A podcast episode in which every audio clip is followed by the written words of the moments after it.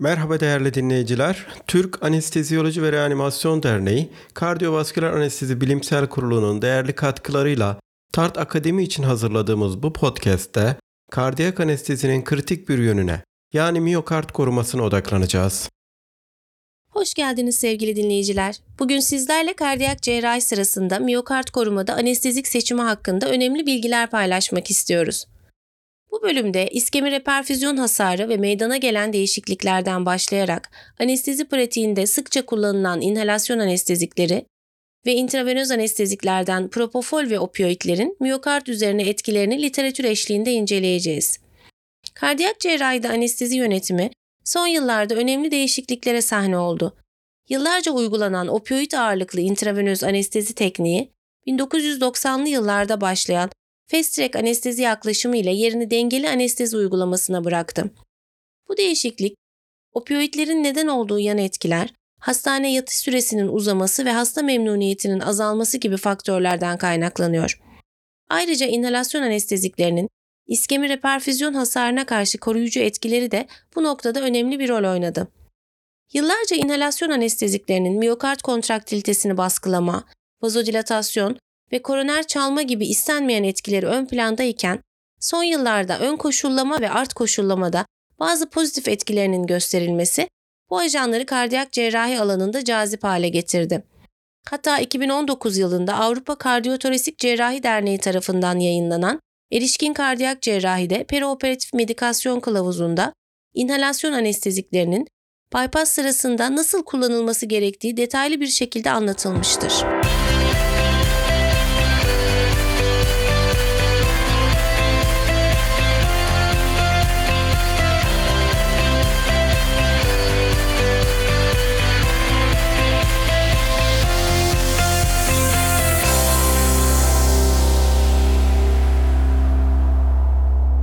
Kardiyak cerrahi uzamış global iskemeye neden olmaktadır. Bu noktada aslında ana hedefimiz hücrenin iskemeye direncini arttırmak. Yani miyokardın anaerob metabolizmayı tolere etme süresini uzatmaktır. Bu amaçla son dönemde birçok organ koruyucu teknik ön plana çıkmıştır. Öncelikle ön koşullama kavramından başlayalım. Bu, vital organların bir sonraki uzun süreli iskemik olaya dayanmasına yardımcı olan geçici bir iskemi veya stresli olayın indüklendiği ya da taklit edildiği durumu ifade eder. İskemik ön koşullama, inhalasyon ön koşullama ve uzak iskemik ön koşullama gibi farklı tipleri bulunur. Bu ön koşullamalar, miyokardın gelecekteki iskemiye daha dayanıklı hale gelmesine yardımcı olur. Ancak burada ilginç bir paradoks karşımıza çıkıyor. Reperfüzyon, yani miyokardın kan akışının yeniden sağlandığı aşama aslında paradoksal bir fenomen olarak tanımlanabilir. Reperfüzyon, infakt bölgesini azaltabilir ancak miyokardın disfonksiyonuna, apoptoz artışına ve daha fazla hasara yol açabilir. Reperfüzyon döneminde hücre içine moleküler oksijen girişiyle hızla serbest oksijen radikalleri oluşur. Bu radikaller reperfüzyon hasarının sorumlu faktörlerinin başında gelir. Hücresel yapılar, özellikle membran lipidleri, proteinler, nükleik asitler ve deoksiribonükleik asit molekülleri bu radikallerin etkisi altında değişime uğrar. Bu değişiklikler sonucunda miyokardiyal sersemleme, reperfüzyon aritmileri, miyositlerde nekroz, koroner endotelyal ve mikrovasküler disfonksiyon gibi olumsuz etkiler görülebilir. İnflamasyona bağlı olarak sitokinlerin salınması hücresel hasara neden olurken, iskemi sırasında sarkoplazmik retikulmun hasarı sonrası kalsiyum geçişinde bozulma ve intraselüler kalsiyum artışı gözlenir. Aynı zamanda reperfüzyonla mitokondriyal permeabilite geçiş boru yani kısaca MPTP açılır ve hücre içinde daha fazla kalsiyum birikir. Bu durum hiperkontraktilite ve reperfüzyon aritmilerine yol açar.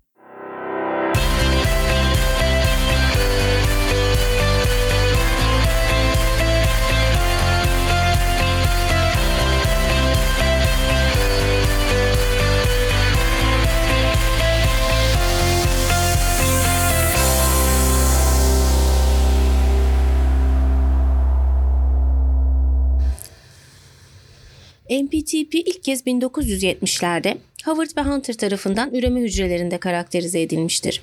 Bu kompleks mitokondri iç zarındaki membran geçirgenliğini düzenleyen bir yapıdır. Ancak reperfüzyon MPTP'nin açılması için gerekli koşulları bir araya getirerek mitokondriyi bir hücre ölümünün başlatıcısı haline getirebilecek önemli bir dönüm noktası olabilir. MPTP'nin geçici açılması serbest oksijen radikallerinin ve kalsiyum salınımının homeostazı ile ilgili fizyolojik bir işleve sahiptir. Bu nedenle iskemik ön koşullama sırasında MPTP'nin açılmasının kardiyoproteksiyon sağlayabileceği gösterilmiştir. İskemi sırasında laktik asidin birikmesi MPTP üzerinde güçlü bir inhibitör etkiye sahiptir. Ancak reperfüzyonun ilk birkaç dakikasında laktik asidin hızla yıkılması ve sodyum hidrojen değiştirici ile sodyum bikarbonat simporterının yeniden aktivasyonu reperfüzyon sırasında fizyolojik pH düzeyinin düzelmesini sağlar. Bu durum MPTP'nin açılmasına izin verir. Ancak MPTP'nin uzun süreli açılması mitokondri iç zarının 1,5 kilodaltondan daha küçük moleküllere geçirgen hale gelmesine, membran potansiyelinin düşmesine, oksidatif fosforilasyonun bozulmasına, ATP tüketimine ve proapoptotik faktörlerin salınımına yol açar. Sonuç olarak bu durum hücre ölümünü tetikleyebilir.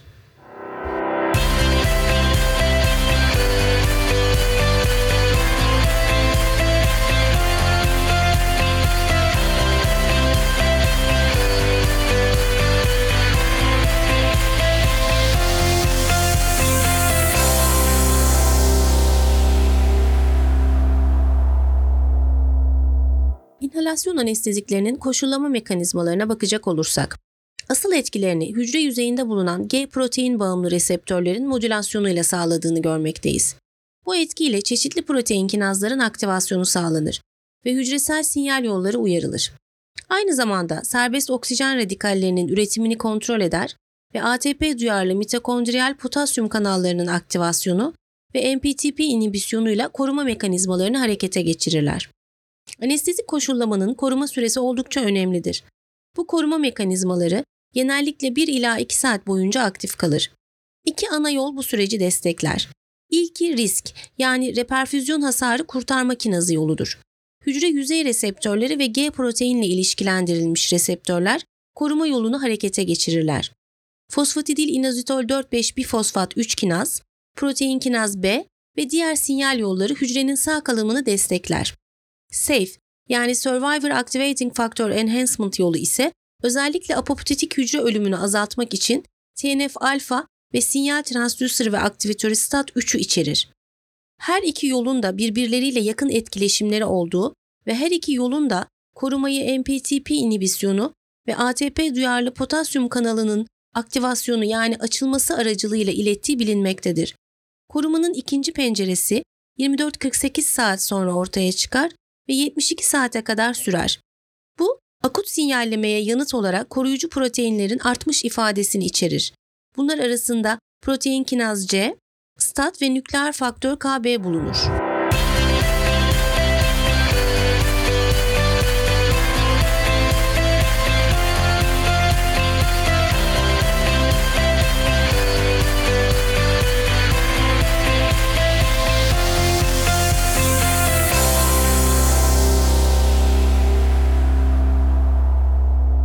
Reperfüzyon hasarının altında yatan nedenlerden biri, reperfüzyon sırasında hücre içine moleküler oksijenin hızla girişiyle oluşan serbest oksijen radikalleridir. Bu radikaller hücresel yapıları etkileyebilir, nükleik asitlere, proteinlere ve membran lipitlerine zarar verebilir. Ayrıca inflamasyon sürecini başlatabilirler. İskemi sırasında biriken laktik asidin reperfüzyonla hızlı bir şekilde temizlenmesi serbest oksijen radikallerinin oluşumunu tetikleyebilir bu nedenle miyokardın korunması için serbest oksijen radikallerinin kontrol altına alınması önemlidir. Sonuç olarak inhalasyon anestezikleri iskemi reperfüzyon sonrası aşırı serbest oksijen radikallerinin üretimini azaltır ve böylece reperfüzyon hasarını tetikleyen tehlikeli oksidatif stresi hafifletirler. ATP duyarlı potasyum kanalları inhalasyon anesteziklerinin doğrudan hedefidir ve mitokondri volümü ve homeostazını düzenler aşırı serbest oksijen radikali üretimini ve mitokondriyal kalsiyum birikimini azaltır. ATP üretimi için optimal ortamı sağlar ve MPTP'yi inhibe eder.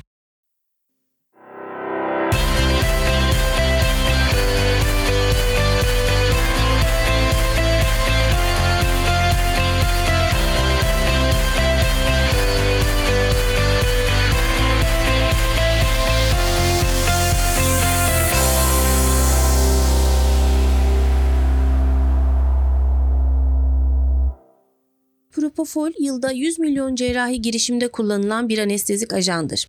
Hızlı başlangıcı, kısa etki süresi, antiemetik etkileri ve düşük yan etki profili onu anestezi pratiğinde çok popüler hale getirmiştir. Ayrıca miyokard korumasına katkıda bulunabilecek antioksidan özelliklere de sahiptir. İskemi reperfüzyon hasarı sırasında serbest oksijen radikallerinin aşırı üretimini azaltarak miyokardı koruma yeteneğine sahip olduğu gösterilmiştir. Bu da propofolün miyokardiyal iskemi reperfüzyon hasarına karşı koruma sağlayan temel etki mekanizmasıdır. Ayrıca mitokondriyal kalsiyum alımını azaltarak ve MPTP'yi doğrudan inhibe ederek mitokondriyal membranın stabilizasyonunu sağlar. İnhalasyon anestezikleri ve opioidlerin aksine propofolün ön veya son koşullandırma ile ilişkili sinyal yolaklarını tetiklemediği ve bu nedenle miyokardiyal iskemi reperfüzyon hasarına karşı herhangi bir koşullandırma etkisinin olmadığı gösterilmiştir.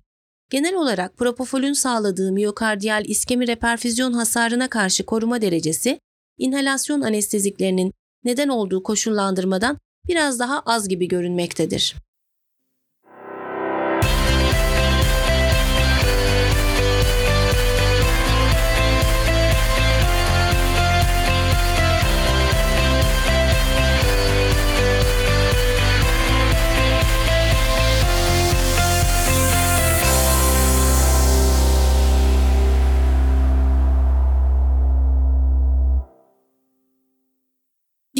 2019 EAKTA kılavuzunda inhalasyon anesteziklerinin kalp akciğer pompasında nasıl kullanılması gerektiği ile ilgili öneriler bulunurken, 2021 yılında AHA kılavuzunda koroner bypass cerrahisinde inhalasyon anesteziklerinin her ne kadar erken ekstübasyona imkan sağlasa da mortalite üzerine etkilerinin olmadığı belirtilmiştir.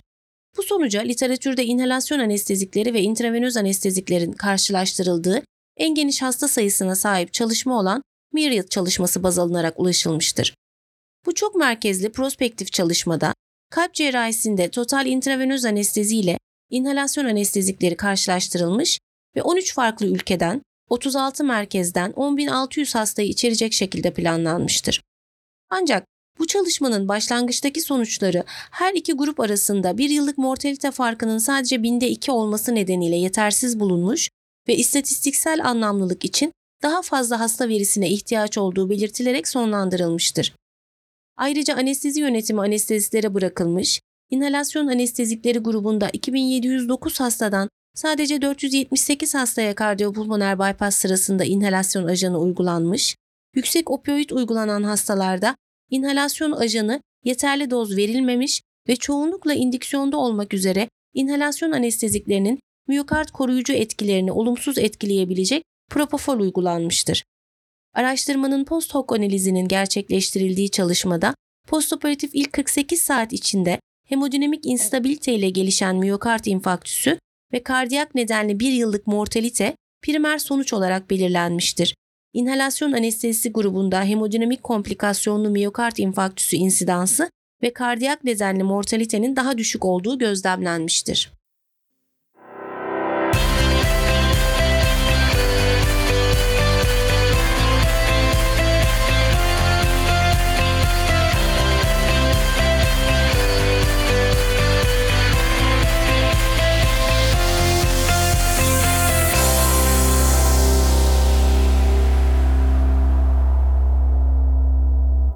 Meta-analiz sonuçlarına bakacak olursak, Myriad çalışmasının ardından daha fazla araştırma ve meta-analiz yapılmıştır.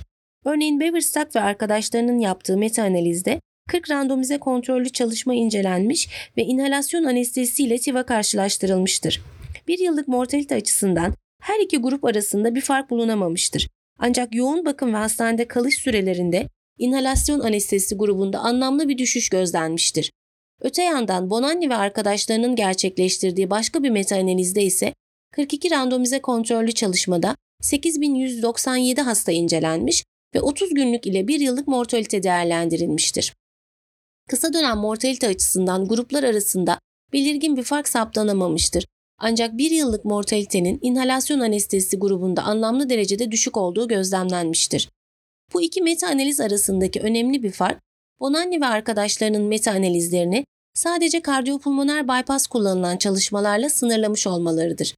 Diğer yandan Beverstack ve arkadaşlarının meta-analizi daha geniş bir yelpazeye sahiptir ve off-pump koroner arter cerrahisi geçiren hastaları da içermektedir.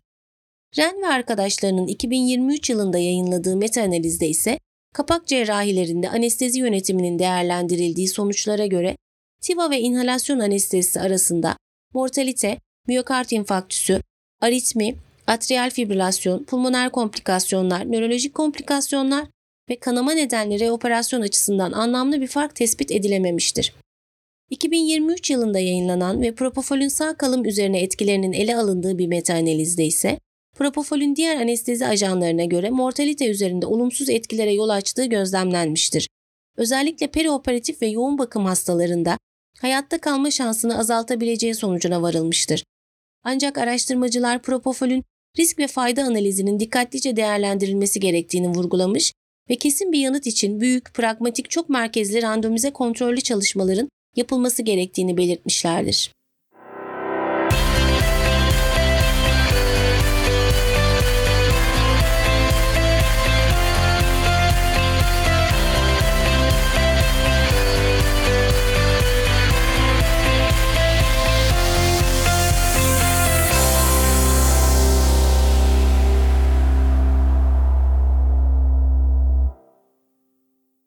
Sonuç olarak iki anestezi yöntemi arasında kesin bir tercih belirlemek için yeterli bilgi yok gibi görünüyor. Araştırmaların çoğu çelişkili sonuçlar sunuyor. Hasta özellikleri ve cerrahi prosedürlerin karmaşıklığı anestezik seçiminde zorluk yaratmakta ve bu nedenle anestezik seçimi dikkatli bir hasta değerlendirmesi ve cerrahi gereksinimlere dayalı olarak yapılmalıdır. Ayrıca miyokard hasarı belirteçleri konusunda da henüz net bir sonuç olmaması hasarın etkinliği noktasında bazı şüpheleri beraberinde getirmektedir. Yani hangi anestezik yöntemin miyokard koruması açısından daha etkili olduğu konusu hala net değil. Sonuç olarak ileride yapılacak farmakogenetik ve farmakogenomik çalışmalar ile geniş, randomize ve çok merkezli çalışmalar anestezik seçimi konusunda daha net bir yönlendirme sağlayabilir. Bugünkü podcast'imizin sonuna geldik. Propofol ve inhalasyon anestezisi arasındaki seçimi belirlerken hasta özellikleri, cerrahi gereksinimler ve mevcut araştırmaları dikkate almalıyız. Unutmayın, miyokard korumada optimal bir rejim hala belirsizliğini koruyor.